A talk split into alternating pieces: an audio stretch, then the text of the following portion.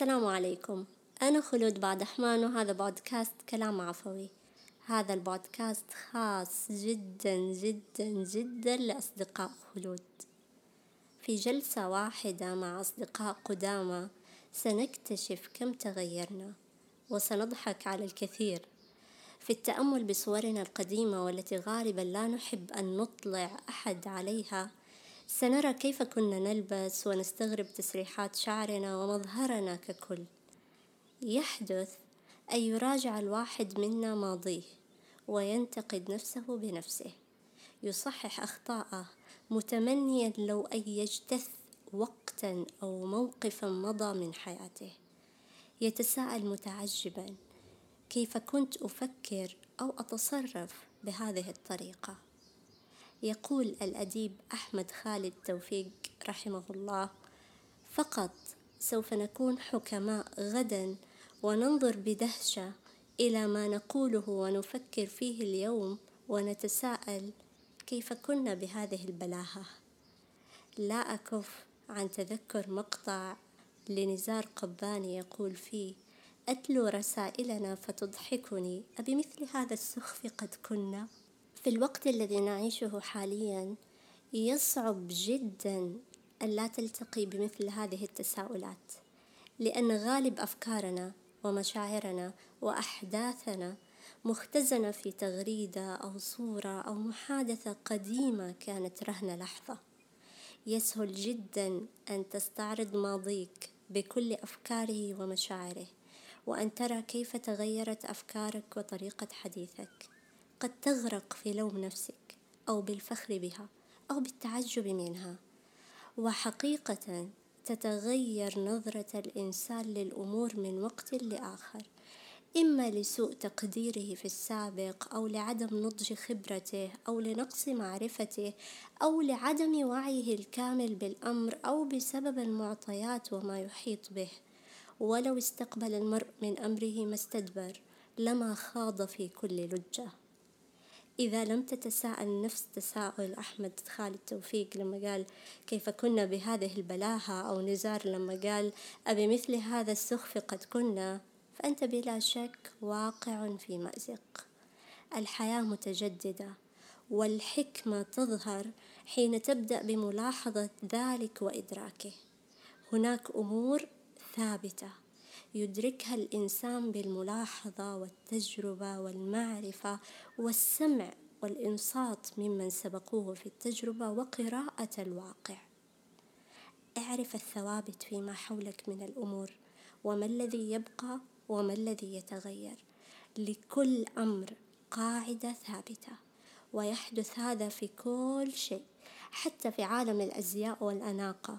هناك قطع لا تتغير بتغير الوقت وهناك ما هو مجرد موضة مؤقتة. حتى نقولها بالعامية هذه موضتها متروح هذه موضة شوية كذا هبة. كذلك أفكارك وآرائك ينبغي أن تكون حريصا في عرضها وتقيسها على نفس المعيار.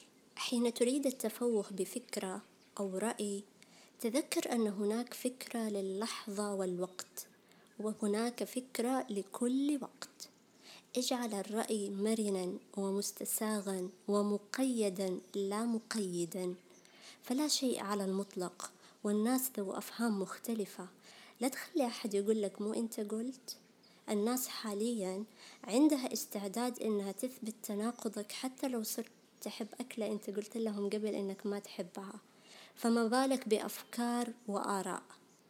يقول الشاعر الفرنسي بودلير من بين كل الحقوق التي كثر الخوض في شأنها هذه الأيام يوجد حق منسي قد يهم الجميع.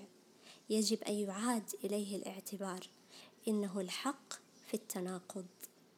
إمكانية التعبير وتوثيقه جعلت التناقض أمرا ظاهرا وهو موجود كطبيعة لأن الإنسان الأصل فيه الاستجابة لمعطيات معينة ثم تظهر النتائج كردة فعل.